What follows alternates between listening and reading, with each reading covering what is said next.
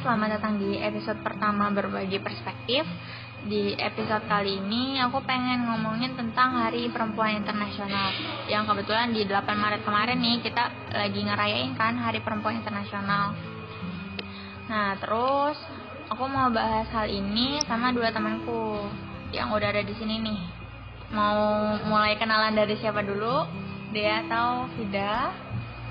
Ini kayak mulai ya.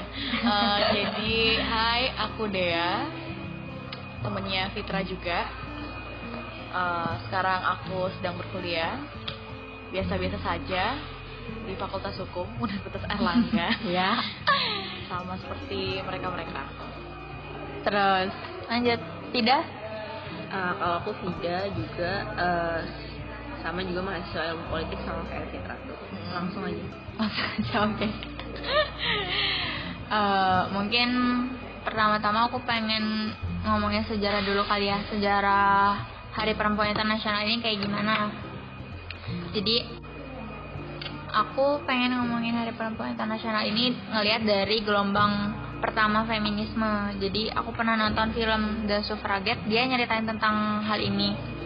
Jadi di film itu tuh diceritain kalau di Inggris itu pernah ada gerakan perempuan gerakan perempuan yang menyuarakan hak suara perempuan dalam politik. Nah, di sisi lain mereka juga menyuarakan tentang uh, upah kerja yang layak, terus kesetaraan antara wanita sama laki-laki. Soalnya waktu itu tuh upah pekerja wanita sama laki-laki itu masih nggak setara gitu loh. Padahal da dari segi waktu kerja itu masih lebih banyak perempuan, tapi dia juga yang dapat upah lebih kecil. Kayak gitu. Nah awalnya gerakan ini tuh dipimpin sama yang namanya Nyonya Pankhurst dan awalnya gerakan ini tuh dilakukan secara damai gitu loh. Dan pemerintah Inggris pada waktu itu kayak masih nerima oh tuntutan mereka tuh apa sih? Kenapa mereka kayak gini? Dan si gerakan perempuannya ini tuh kayak ngerasa oh aku didengerin ya ternyata di situ ada harapan gitu loh sama gerakan mereka dan tuntutan mereka itu untuk dikabulkan. Tapi sa beberapa waktu kemudian itu pemerintah menolak tuntutannya mereka. Akhirnya dari situ Nyonya Pangers ini e, mulai mengkampanyekan e, menginisiasi kampanye nasional pembangkangan sipil. Jadi mulai saat itu tuh gerakan-gerakan perempuan orang-orang yang ada di dalam gerakan ini mulai rusuh kayak gitu loh. Mereka tuh mulai ngerusak fasilitas umum, terus ngeledakin kan, kantor pos bukan kotak pos kayak gitu-gitu sampai akhirnya ya mereka-mereka yang ngelakuin ini mulai ditangkap sama aparat keamanan dan ditangkap sebagai tahanan tahanan politik kayak gitu. Di sisi lain karena mereka menyuarakan hal ini yang menurut masyarakat waktu itu tuh masih tabu, mereka tuh kayak dijauhin gitu loh sama masyarakat sekitar. Terus bahkan sama suaminya pun udah nggak diterima. Jadi mereka banyak mengorbankan banyak hal lah dalam hal ini gitu. Singkat cerita di akhir film ini tuh ada yang namanya Emily. Emily ini dia saking pengen tuntutannya ini dikabulkan, dia mengorban mengorbankan dirinya jadi martir. Jadi waktu itu sempat ada acara acara yang menghadirkan Raja George V di sebuah landasan pacuan kuda. Di situ Emily nekat buat masuk ke landasan pacuan kuda untuk ngebunuh si Raja George V ini, tapi berujung pada kematiannya dia. Nah, kematian Emily ini akhirnya mulai jadi sorotan gitu loh dan dilaporkan ke seluruh dunia. Hmm. Akhirnya karena ada berita kayak gitu, mulai menarik perhatian global nih untuk memperjuangkan hak-hak suara e, perempuan dalam politik kayak gitu. Dan dari insiden itu tuh menyebabkan di penjaranya lebih dari seribu wanita Inggris. Gara-gara insiden itu juga apa namanya uh, menyebabkan banyak gerakan perempuan serupa di negara-negara lain. Contohnya kayak di sejarah awal Hari Perempuan Internasional ini yang aku baca itu mulai di AS. Di AS itu seri, tahun 1907 kalau nggak salah. Itu sempat ada 15.000 perempuan yang yang demo untuk menyuarakan upah kerja yang layak, terus jam jam kerja yang lebih sedikit, terus juga hak suara mereka dalam politik. Sampai setahun setelahnya itu Partai Sosialis Amerika e, mendeklarasikan Hari Perempuan Nasional di AS dan mereka e, apa namanya buat gerakan di New York dan memperingati Hari Perempuan Nasional itu. Terus hal ini juga terjadi di negara-negara lain, negara-negara lain. Hmm, kayak di Rusia gimana? Kalau di Rusia itu tahun 1917, jadi perempuannya tuh uh, yaitu memperjuangkan memperjuang menyuarakan tentang hak-haknya dan di 8 Maret 1917 itu uh, di Rusia sejak itu pas Perang Dunia Pertama juga disahin jadi hari libur nasional juga. Hmm, gitu sampai akhirnya uh, setauku kenapa kok akhirnya jatuh pada tanggal 8 Maret itu gara-gara PBB itu mendeklarasikan Hari Perempuan Internasional di tanggal 8 Maret itu. Waktu itu di tahun 1975 kayak gitu. Nah, sebenarnya dari awal perjuangan mereka menyuarakan hak suara itu udah mulai membuahkan hasil di beberapa negara. Kayak awalnya itu di di negara pertama itu yang e, mengesahkan perempuan punya hak suara itu aku agak lupa. Tapi di negara kedua yang paling cepat perempuan itu dapat hak suara itu di Australia. Dan bahkan di Arab Saudi itu wanita baru dijanjikan hak untuk memilih itu pada tahun 2015 kayak yang miris banget gitu nggak sih ba di tahun 2015 mereka baru wacana untuk punya, punya hak milih kayak gitu. Sebenarnya ini kita ngobrolnya nggak terlalu yang teoritis banget atau gimana ya. hmm. ya kalian kalau yang denger ini ini mungkin bisa di cross check lagi bakalan gimana benernya gimana kalau kita mungkin ya sependek pengetahuan kita aja yeah. ini soal ini gimana. Uh, jadi kayak ya udah jangan sepenuhnya percaya sama omongan kita juga. Terus mungkin gara-gara hal itu banyak ya stigma-stigma atau uh, anggapan masyarakat yang bilang kalau misalkan ya udah politik itu sebenarnya ranahnya ranahnya laki-laki perempuan gak usah masukin ranah itu. Kayak aku sendiri pun punya pengalaman pribadi. Jadi aku pernah di suatu ya perpolitikan lah istilahnya di dunia perpolitikan gitu dapat omongan ngapain sih lu di sini? Lu tuh lu tuh cewek ini tuh urusan laki-laki. Ngapain ikut-ikut kayak gini? Kayak kayak kayak ginian gitu loh. biar kita aja yang handle kita uh -uh. ngerti. uh -uh. nah kayak lah emang terus ini tuh cuma ranahnya laki-laki doang. Terus aku perempuan sebagai anak politik juga masa nggak boleh berproses sih? Terus apa gunanya aku masuk politik? Kalau misalkan emang ini cuma diserahin ke laki-laki doang kayak kayak semacam itulah kayak gitu. Mungkin dari kalian juga pernah nggak sih ngalamin hal-hal serupa? Kayak perempuan tuh direndahin kayak ya udah ini bukan bagian lo kok ngapain sih lo ikut ikutan ke sini di nomor sekianin nggak sih? Kayak laki-laki duluan ya udah kalian duluan nah uh. perempuan ntar deh ntar deh habis ini yeah, deh. Ntar hasilnya kita baru kasih tau kamu. Mm -hmm, gitu, kayak gitu. fuck ya aku juga pengen tahu nggak sih tentang tapi sorry tadi saatnya disensor iya, iya. gitu aja anggap aja. Kelemahan ya barusan. Iya kayak iya kesel kesel aja gak sih? Harusnya ya kita berproses bersama-sama gitu loh. Emang apa yang ngebedain antara laki-laki sama perempuan kayak gitu? Kalau kalian sendiri pernah ada pengalaman serupa gak sih? Atau mungkin dari dia nih dihukum di fakultas gitu, hukum maksudnya. Hukum ya. Kalau misalnya di sana sih kalau hak pilih ataupun hak untuk menyuarakan cukup menyuarakan ya. Hmm. jadi ketika kemarin ketika itu tuh di apa udah ada acara. Untuk menyambut momen March itu udah ada acara. Kayak misalnya kita diskusi bareng atau kita pikiran bareng gitu kan. Kalau aku sih lebih pengalaman ke keluarga sih ya. Karena memang faktor patriarkal yang banget banget banget di, di rumah. Okay. Gitu. kayak contoh hal kecil nih.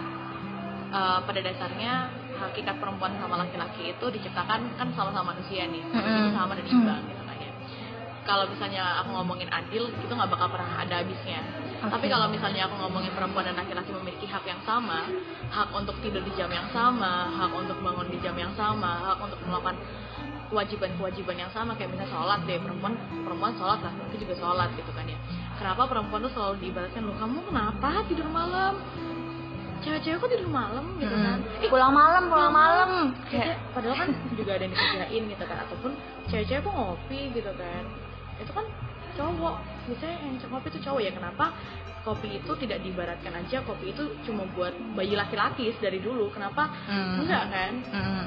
jadi sebenarnya tuh kayak general gitu loh permasalahan-permasalahan yang ada di rumah yang sampai saat ini tuh mau ada pikiran di mana kayak kenapa sih sam- sampai seperti ini konstruksi pikiran seperti ini tuh mendasar gitu loh Iya, menurutku. tapi kok masih berlaku gitu loh di Masih masa-masa berlaku. sekarang dan kayak itu soalnya di rumah Di soalnya rumah. di rumah itu kan perta institusi pertama yang mempengaruhi si Iya, kan. kalau di rumahnya udah kayak dikonstruksiin pikirannya kayak gitu otomatis mungkin secara sadar atau enggak dia di luarnya bakalan kepikirannya kayak gitu kecuali dia ada di lingkungan yang katakanlah lebih bener dan bikin pikiran dia lebih open buat mikir oh kalau soal pulang jam berapa atau apa laki-laki perempuan sama aja kok nggak ada yang Iya, dibedain iya benar-benar.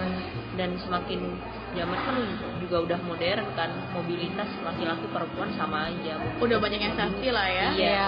Kayak gitu. gitu udah Eh, mungkin tarik lagi ke sejarah perempuan internasional itu tadi hari perempuan internasional itu tadi. Jadi yang kayak kita tahu tuh biasanya kalau misalkan hari perempuan internasional selalu diiringi sama gerakan Women's March nggak sih? Iya. nah turun ke jalan gitu. Ya, jadi Women's March di Indonesia ini sebenarnya ngadopsi dari Women's March di AS waktu itu di tahun 2017. Kelompok-kelompok perempuan di Indonesia itu mulai ngelirik hal itu dan akhirnya eh, ngebuat gerakan serupa di Indonesia yang saat itu tuh menyuarakan tentang toleransi kalau nggak salah di tahun 2017 terus sampai di tahun 2018 itu mereka mulai menyuarakan tentang isu kekerasan seksual atau kekerasan berbasis gender di mana yang kita tahu hal itu terkait sama ini nggak sih? Sama eh, terkait sama RUU PKS di mana RUU PKS ini sependek pengetahuanku itu mulai diusulkan sama Komnas Perempuan sejak 2000 tahun 2017 Tahun- iya. 2017 ya. sebenarnya dari mereka tuh ngelihat kasus ini gara-gara data data dari tahun ya iya tahun. tahun kekera- eh, data kekerasan seksual dari tahun 2001 sampai 2011 itu banyak banget nih. Semakin meningkat tuh? Iya semakin meningkat. Terus akhirnya mereka mulai kayak dibahas. ngebahas ngebahas di Komnas Perempuan dulu sampai akhirnya dia ngajuin naskah akademik di tahun 2015 atau di 2015 eh 2016-an gitu. Terus basu, baru mulai masuk prolegnas di tahun 2017 nggak sih? 2017 dan baru dibentuk panitia kerja di DPR Komisi 8 itu 2018 nah tapi sampai saat ini tuh masih belum disahkan gitu RUU PKS ini. Sebenarnya apa sih yang ngebuat pemerintah kayak gini? Apakah emang itu sebuah tanda kalau misalkan pemerintah ini nggak aware atau nggak peduli sama hal-hal kayak gini? Padahal justru semakin lama kita menunda pengesahan RUU PKS ini justru malah makin banyak nggak sih kasus kekerasan seksual di Indonesia jadi kalau misalnya itu kayak kekosongan gitu jadi Ah. nggak ada yang mengatur ya berarti nggak nggak bisa dipidana atau nggak bisa ditindaklanjuti kalau misalnya aturan-aturan yang mencakup dicakup oleh RUU PKS ini nggak disahkan mungkin ditarik ke isu soal perempuan soalnya oke kita tahu di parlemen itu ada minimal ba- minimal Batas keanggotaan perempuan kan buat di Oh, parlemen oh. 30 persen Batas. salah nah eh, dari partai juga tuh kita ngelihatnya sebenarnya mereka nyalonin calon legislatif perempuan itu cuma buat menuhin kuota atau benar-benar perempuan yang merepresentasikan buat memperjuangkan hak-hak perempuan atau Hmm. enggak soalnya kalaupun mereka cuma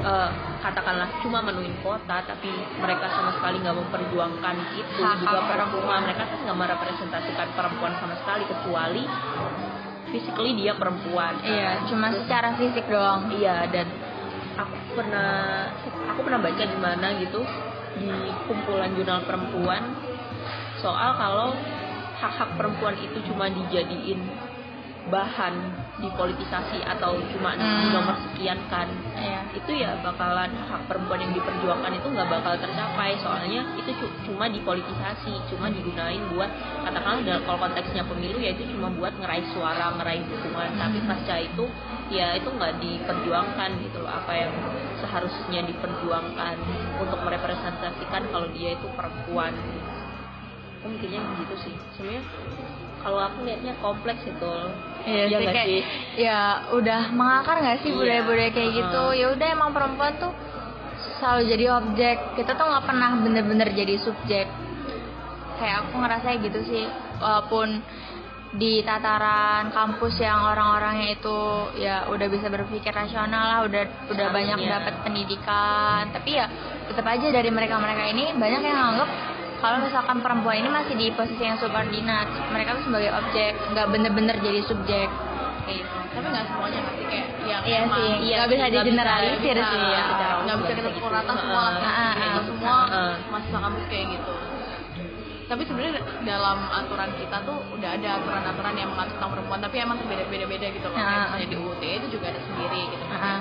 terus KUHP kayak misalnya pemerkosaan ataupun yang lain-lain itu juga ada sendiri tapi memang syaratnya tuh nggak sesubstansial RUU di PKS RUU tadi. PKS soalnya kan kayak di RUU PKS ini sebenarnya korban dilindungi nggak sih terus ada kayak rehabilitasi korban secara psikis tuh mereka Jelas butuh gitu, lebih dan diatur. Heeh. Mm-mm, butuh banget kayak ya payung hukum lah istilahnya. Apalagi kultur-kultur di Indonesia itu eh, banyak yang menyalahkan korban. Iya. Kayak ya perempuan waktu diperkosa kamu pakai baju apa?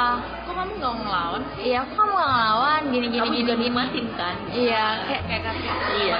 tolong dong Iya. kenapa mesti eh, terus-terusan menyudutkan korban? Di mana ya di sini dia korban bukan pelaku. Kayak misalkan ya di contoh kemarin ya sempat ada kasus apa tuh yang Reinhard Sinaga Oh, iya. Iya. nah itu kan RS se- aja Iya, oke disingkat ya pakai inisial CRS ini eh, kejadiannya kan di luar kan. Nah, di situ tuh kayak ada suatu penanganan yang berbeda, bukan penanganan sih kayak sudut pandang yang berbeda. Kayak misalkan ya si Ren RS ini, RS ini sebagai pelaku ya udah dia yang dieksploitasi, dia dat- data-data dia yang dieksploitasi, di show up ke publik. Sedangkan kalau misalkan di Indonesia justru malah si korban yang dieks- diekspos di media. Terus akhirnya korban yang justru dalam keadaan tertekan ini malah makin tertekan gak sih digituin? Terus kayak akhirnya eh, respon publik ke dia juga ma- makin negatif dan sebagainya. Nah sebenarnya hal-hal kayak gini tuh kenapa sih bisa bisa bisa terjadi hal-hal kayak gini apa yang salah sih sama kultur yang ada di Indonesia lagi-lagi Lagi-lagi. Heeh. Eh, sebenarnya kalau misalnya perempuan tuh kalau misalnya kita ngomongin tentang pemerkosaan ataupun yang lain-lain ya eh, ketika perempuan itu udah melawan gitu kan. Sebenarnya pemerkosaan itu kan nggak mungkin kan terjadi di muka umum ataupun di halayak ramai Iya. sebenarnya perempuan juga kan ada yang bilang eh kenapa kok nggak ngelawan? Gitu. Hmm. ya sekuat tenaga dia pasti sudah melawan kenapa kok masih mati nggak ada yang bisa untuk melepaskan hal itu. Ketika maksudnya kayak misalnya dia ada kesempatan untuk melepaskan dia pasti melepaskan Hmm, gitu loh. Bahkan barang buktinya pun bukan kayak CCTV ataupun rekaman video nggak mungkin kan. Orang memperkosa direkam ataupun disebarluaskan kayak Iya. kayak itu mungkin ada tapi satu banding sekian gitu loh. Kebanyakan yang memperkosa ya cuma memperkosa diam-diam agar tidak diketahui orang lain bahkan takut untuk diketahui orang lain gitu loh. Ya barang buktinya adalah cakaran perempuan mungkin ataupun hantaman-hantaman Hmm. pada barang si laki-laki mungkin hasil visum pasti kayak gitu-gitu.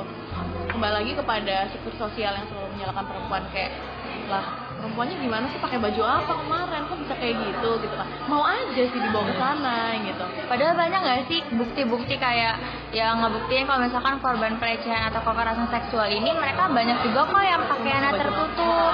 nggak ada korelasinya Iya nggak ada korelasinya emang si laki-lakinya aja yang nggak tahu diri yang ya kalau yang bejat lah istilahnya. kalau ada yang bilang tuh orangnya mesum apa gimana iya sebenarnya aku lihatnya itu mesum iya itu lemes iya tapi kan pemerkosaan itu ada pelecehan seksual itu ada karena si pelakunya itu kan merasa dominan kan. Hmm. merasa menguasai si korbannya. Akhirnya dia ngelihat korbannya ini lemah ini aku bisa nih ngelakuin apa pun ke dia toh dia nggak bakal berani Hmm. buat bersuara nggak bakal berani buat ngelawan dan sebagainya. Akhirnya dia merasa bisa mendominasi si korban itu dan akhirnya terjadilah si kejadian pelecehan seksual itu kalau gitu lucunya nih ada yang pernah bilang gini laki-laki kan libionya lebih gede eh, libionya lebih gede daripada perempuan gitu kan. Sebenarnya ya perempuan juga punya nggak sih Iya, semua manusia semua manusia manusia. mutlak kita tuh punya gitu loh. Kenapa? Nggak dibatasi sama jenis kelamin, Iya, gitu. tolong Kenapa lah. kayak selalu dibenarkan "Ih, laki-laki kan libionya lebih Hmm. apa ya lebih punya libio nah kita juga punya gimana sih? Iya nggak sih? Ah, dan itu tuh hal yang eh, agak itu argumen yang gimana ya benar-benar membela laki-laki tapi dengan pandangan yang buta menurut Iya. dan kalau emang punya ya hawa nafsu semua punya dan kenapa nggak dicoba dikontrol di kalau nggak salah di Al-Quran ada nggak sih yang kita harus menundukkan pandangan dan sebagainya ya iya nggak sih? Iya iya ada ada. Ada. Iya kan? Ya itu buat semuanya lah buat buat kontrol hawa nafsu nundukin pandangan dan sebagainya kan juga laki-laki atau perempuan kan punya cuma tergantung gimana kita kontrolnya kan. Dan aku lihatnya kalau ada apa pelaku pemerkosaan atau kekerasan apa pun ke baik itu ke perempuan atau ke laki-laki kalau ini kita, kita konteksnya ke perempuan ya. Itu seakan-akan si laki-laki laki-laki itu nggak ngelihat perempuan sebagai manusia gitu. Ya nggak sih? Kayak kayak ya udah dia merasa mendominasi terus akhirnya melakukan kekerasan dan gitu dan sistem di Indonesia pun juga masih susah buat membantu korban masyarakatnya juga masih cenderung nyalain korban apalah pakaiannya lah kenapa keluar malam lah Iya, iya. kompleks itu sebenarnya buat ini. susah ya ngebahas kayak gini tuh mengakar banget. kayak tapi sampai kapan gitu loh kita terus-terusan kayak gini terus-terusan menyalahkan perempuan terus-terusan menyalahkan korban yang emang udah dalam konteks ini udah menderita gitu loh. Oke lah kalau misalkan mereka bawa-bawa agama ya kenapa eh, si ceweknya nggak nggak nutup aurat tapi ya kenapa si cowoknya ini juga nggak menundukkan pandangan? Misalnya kan kayak gitu kan. Kayak ya tapi eh, konteks mereka selalu menanyakan emang korban pakai baju apa? Itu kayak menunjukkan seakan-akan ya emang perempuan doang yang salah. Harus padahal ada ya? dua ada dua pihak di sini. Ada dua pihak yang emang punya kewajiban yang sama sama-sama menundukkan pandangan kayak gitu. Eh, men- menurutku ya karena banyak banget kasus kekerasan perempuan terus pemerintah tuh perlu waktu berapa lama lagi sih buat memproses share. ini berapa lama lagi sih pemerintah bisa memproses RUU PKS ini lagi? Sedangkan ya di luar sana tuh masih udah banyak banget kekerasan seksual yang terjadi. Kayak gitu. Malah di sisi lain pemerintah itu bikin yang namanya RUU ketahanan keluarga. Yang di mana isinya udah pada baca? Belum. Belum sampai habis belum Nah, sampai. Oke, tapi ada beberapa yang mencuat ke publik yang mengatakan kalau misalkan si RUU ketahanan keluarga ini justru malah mendomestifikasi perempuan, ngebalikin perempuan tuh ya ke wilayah domestik lagi. Padahal dulu kayak Ibu Kartini kan berusaha untuk ya perempuan nggak cuma di wilayah, di wilayah domestik aja kok. Mereka juga bisa punya pendidikan punya karir yang bagus dan sebagainya. Tapi kok kenapa di sini pemerintah pengen ngembalin kita ke wilayah domestik lagi kayak gitu apalagi di, di beberapa pasal di pasal pasal berapa sih yang ngejelasin tentang peran istri sama laki-laki? Di situ kan kayak lebih menekankan ya udah si istri itu tugasnya emang benar di wilayah, wilayah domestik ngurusin suami ngurusin anak. Oke emang kita punya tugas atau peran di situ tapi kayak seakan-akan kenapa kok mesti dituliskan sih di undang-undang? Padahal sebelum kita nikah pun kayak pasti udah ada perjanjian gak sih antara si suami sama si istri ini? Perjanjian apa? Perkawinan. Ya pranikah tapi kalau menurutku soal ngurus anak dan urusan domestik lainnya kayak masak mencuci dan sebagainya kalau namanya udah memutuskan untuk hidup berkeluarga bareng-bareng ya ya bareng-bareng lah. Dan apalagi termasuk eh, ngurus anak. Dan ini narasi yang sering banget aku dengar kalau di rumah di lingkungan mana pun itu biasanya sih ayahnya sih ngomong gini itu lo anakmu urusin gitu. Oh, gimana tuh ya? iya eh, padahal kan itu ya anak bikinnya ya berdua emang ya iya. Kenapa kok nggak mau tanggung jawab berdua gitu. Iya, terus soal hal-hal domestik lainnya kayak masak mencuci dan sebagainya itu kan sebenarnya basic basic, Basic, human iya. skill kan. Seharusnya ya entah itu kamu perempuan atau laki-laki ya seharusnya kamu bisa itu. Dan Kenapa, kok malah cuma dilimpahin ke perempuan, doang? Iya gitu sih menurut ya kembali lagi sih. Budaya kita sih dulu dan harus diubah sejak dini sih. Kalau aku ngelihatnya ya kalau kita yang udah mulai tahu atau kita mulai open tentang pemikiran lain kalau sebenarnya apa yang ada di budaya kita itu salah ya mungkin kita bisa mulai dari hal-hal kecil yang bisa kita lakuin. Hmm.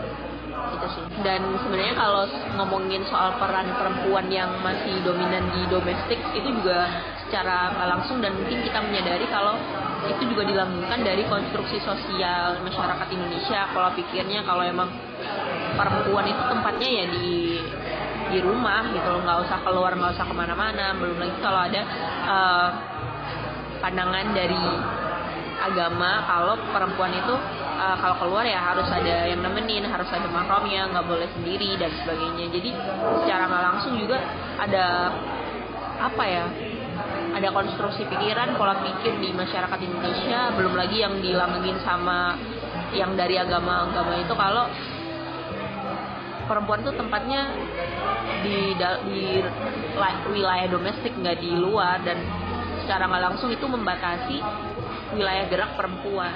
Jadi ketika di di apa ya di kita ngelewatin hal itu kita ngelewatin wilayah domestik itu kita tuh dianggap oh gitu sih hmm. ya nggak se kamu nggak se layaknya perempuan kamu nggak ber, bukan keluar jalur lah istilahnya. soalnya beda sama yang beda sama perempuan yang seharusnya perempuan yang baik menurut versi mereka iya gitu. uh, padahal kayak yang masalah perempuan harusnya di domestik aja nih di dalam rumah doang. Gara-gara dia kalau misalkan keluar itu mesti sama mahramnya kayak gitu kan. Nah sebenarnya masalah itu tuh sangat-sangat tergantung sama konteks ayat itu diturunkan gak sih kayak dulu tuh emang di masyarakat Arab waktu pada waktu itu itu emang masyarakatnya itu masih sangat patriarkis dan masih banyak budak-budak perempuan. Jadi misalkan emang dia keluar tanpa mahram atau tanpa tuannya itu dia bakalan di, dianggap sebagai budak. Makanya kenapa akhirnya mereka di uh, mereka di um, ditempatin untuk di rumah aja. Kalau atau keluar harus ada mahramnya. Nah iya kayak gitu. Punya tuan lah istilahnya. Mm. tapi konteksnya apa sekarang nih kalau misalnya ngomongin negara kita udah merdeka nih ya di mana kayak ada polisi ada TNI maksudnya udah beda. tuh udah ada iya, iya, beda kalau udah nggak ada budak kan. Udah nggak ada yeah. budak untuk zaman sekarang gitu loh. Bahkan sekolah pun kita laki-laki perempuan juga sebenarnya udah sama aja. Mm ya btw dari tadi tuh kita ngomongin tentang perempuan perempuan perempuan. Kayak perempuan tuh harus gini ya perempuan tuh kayak kenapa sih kita tuh kayak gini banget gitu kan. Sebenarnya tuh nggak semua tentang perempuan kita amini gitu loh. Kayak misalnya nih hmm. uh, ada satu masalah yang berbau amoral. Kayak misalnya seorang perempuan yang mengetahui dia berpacaran ataupun menikah lagi. Gimana ya menjalin hubungan, menjalin hubungan lah ya nah. sama suami orang yang memiliki anak kayak Pelak gitu, pelakor lah pelakor lah kayak gitu gitu lah sugar daddy. Oh. Ya um, kita juga nggak apakah dia sebut pantas disebut sebagai korban? Jawabannya ya enggak juga sih. Nggak semua perilaku perempuan kita amin dan kita benarkan dalam konteks yeah. ini. Tapi pembahasan kita kali ini ya karena keresahan keresahan kita aja tentang kenapa sih perempuan dan kayak kayak gini? Dan konteks besar kita kemarin karena International Women uh, Women International Day dan salah satunya kemarin yang dituntut sama aksi Women Smart eh, Surabaya itu ya salah satunya tentang RUU PKS ini. Dan ya masih banyak lah tentang konstruk sosial masyarakat yang susah banget diubah tentang perempuan dan sebagainya.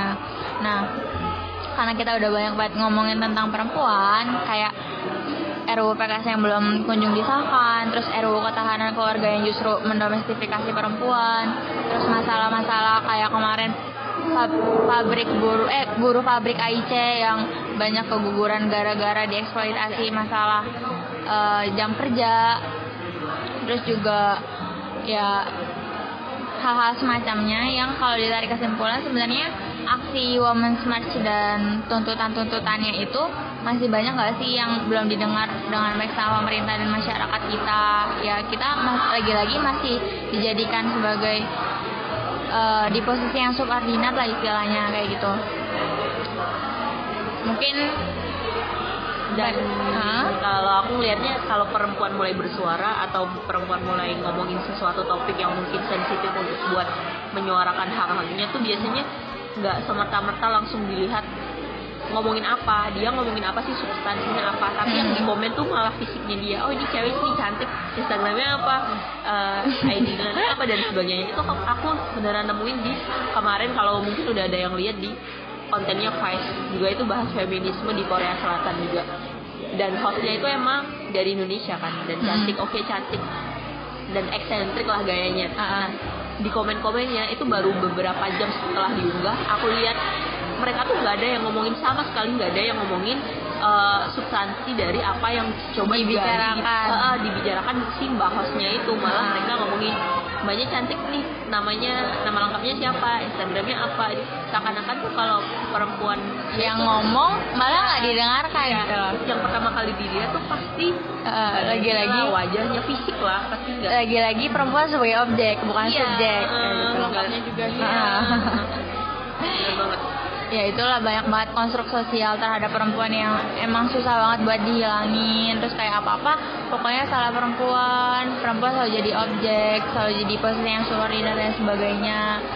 Dan masih banyak banget masalah kita sebagai perempuan yang mesti kita hadapi kayak gitu mungkin juga banyak dari teman-teman yang merasa ada hak yang seharusnya bisa dilakukan tapi masih sama masih terkendala gitu loh sama apa sistem yang mengekang kita untuk melakukan itu. Sebenarnya kita juga sebagai perempuan cuma pengen merdeka nggak sih? Kita pengen dihargai sebagai individu sebagai subjek. Nah mungkin buat penutup ada nggak sih dari kalian harapan-harapan kalian tentang kita nih sebagai perempuan? Ke depannya pengen gimana sih? Pengen dihargai kayak gimana sih sama masyarakat sekitar? Kalau misalnya ngomongin gender equal nih ya Mm-mm. itu tuh ranahnya luas banget. Tadi kita udah ngomong berapa? 33 menit nih ya. Oke. Kayak udah panjang sih menurutku kita ngomongin banyak hal. Tapi eh, sebenarnya kalau aku sih secara pandanganku banyak pergerakan perempuan yang memang menyuarakannya tapi ada juga yang keliru ya. Menyuarakan kayak semoga perempuan nanti akan sama derajatnya di mata Mhm. sosial, Mhm. ekonomi, politik, hukum dan lain-lain gitu loh. Sedihnya itu gini, aku pernah mendapatkan satu kasus di mana seorang perempuan um, melakukan hubungan seksual dengan pacarnya, lalu si perempuan itu akhirnya hamil. Nah, ketika anaknya keluar, si perempuan itu akhirnya membunuh si anak itu. Nah, itu tuh ada pasal khusus buat si ibu ini tadi. Si perempuan kan sudah disebut sebagai ibu, itu tuh ada pasal khusus. Sedangkan uh, untuk laki eh, suaminya ini tadi itu tuh nggak ada pasal pasal khusus yang mengenai hal ini gitu loh. Dan aku kayak ngerasa kenapa gini ya? Padahal sebenarnya ngelakuin juga berdua gitu kan. Mereka berdosa kalau misalnya nggak berdosa ya dosa juga berdua gitu kan. Melakukan amoral ya berdua juga gitu kan. Tapi yang mendapatkan omongan hujatan di masyarakat cuma si wanita cuma doang. si wanita doang. Ya laki-laki tidak ada tapi nggak separah si perempuan ini gitu sih. Ini soal ya Bebas kamu ya. punya harapan apa sih sebagai kita sebagai perempuan di tengah-tengah konteks konstruk sosial masyarakat terhadap eh label tentang perempuan? Kalau aku sih harapannya ya ya semoga perempuan ini tetap bersatu sih bersatu dan bareng-bareng menyuarakan hak apa yang seharusnya kita dapetin sebagai sesama manusia begitu. Ya emang kita sama manusia sama Iya. laki-laki. Walaupun si perempuan ya tetap hidup kita berdampingan eh, gitu. Dan eh, walaupun katakanlah terhadap gerakan feminisme atau eh, kita berupaya untuk menyuarakan hak-hak perempuan walaupun kita perempuan kita ya juga tetap harus berusaha open gitu loh sama kritik kalau emang kenyataannya kita tuh Kita belum salah. satu suara Oh, kita oh. belum satu suara untuk memperjuangkan hak-hak perempuan Hmm. dan emang realitanya itu ada mungkin emang kita harus lebih apa ya berusaha untuk menyamakan tujuan dan persepsi kalau emang sebenarnya ini untuk kebaikan kita semua gitu dan untuk menghilangkan apa ya sistem patriarki yang sudah ada dan yang menurutku perlu di highlight banget itu kalau feminisme itu bukan ngelawan laki-laki kita itu ngelawan patriarki itu sih. Ya harapan aku ya semoga eh, kita bisa bareng-bareng berjuang lah gitu buat perempuan itu sendiri dan Ya. nggak nggak menutup nggak menutup cuma perempuan aja. Toh laki-laki kan juga dilahirkan dari perempuan dia pasti punya ibu perempuan dan dan buat jadi feminis katakanlah walaupun aku nggak pernah memproklamirkan kalau aku feminis ya. Oke. Tapi tapi kenyataannya banyak kan laki-laki Yang menyuarakan. yang concern soal equality Ah, dan karena ya mereka udah aware sama Iya, ya sebenarnya emang perempuan udah seharusnya punya hak itu ya emang harus intinya equal equality. Siap. Oke. Jadi kita udah di ujung sesi. Dan aku pertama ini. Ya di episode pertamaku semoga bisa berlanjut terus dan konsis- konsisten di episode-episode selanjutnya nah aku pengen ngucapin makasih banyak buat Dea sama buat Sida udah nemenin aku di episode pertama first time kali ini yang bahas tentang Hari Perempuan Internasional dan masalah-masalah apa sih yang dihadapi perempuan di Indonesia khususnya kayak gitu. Oke, itu aja. Uh, sampai ketemu di episode berikutnya. You. Bye you.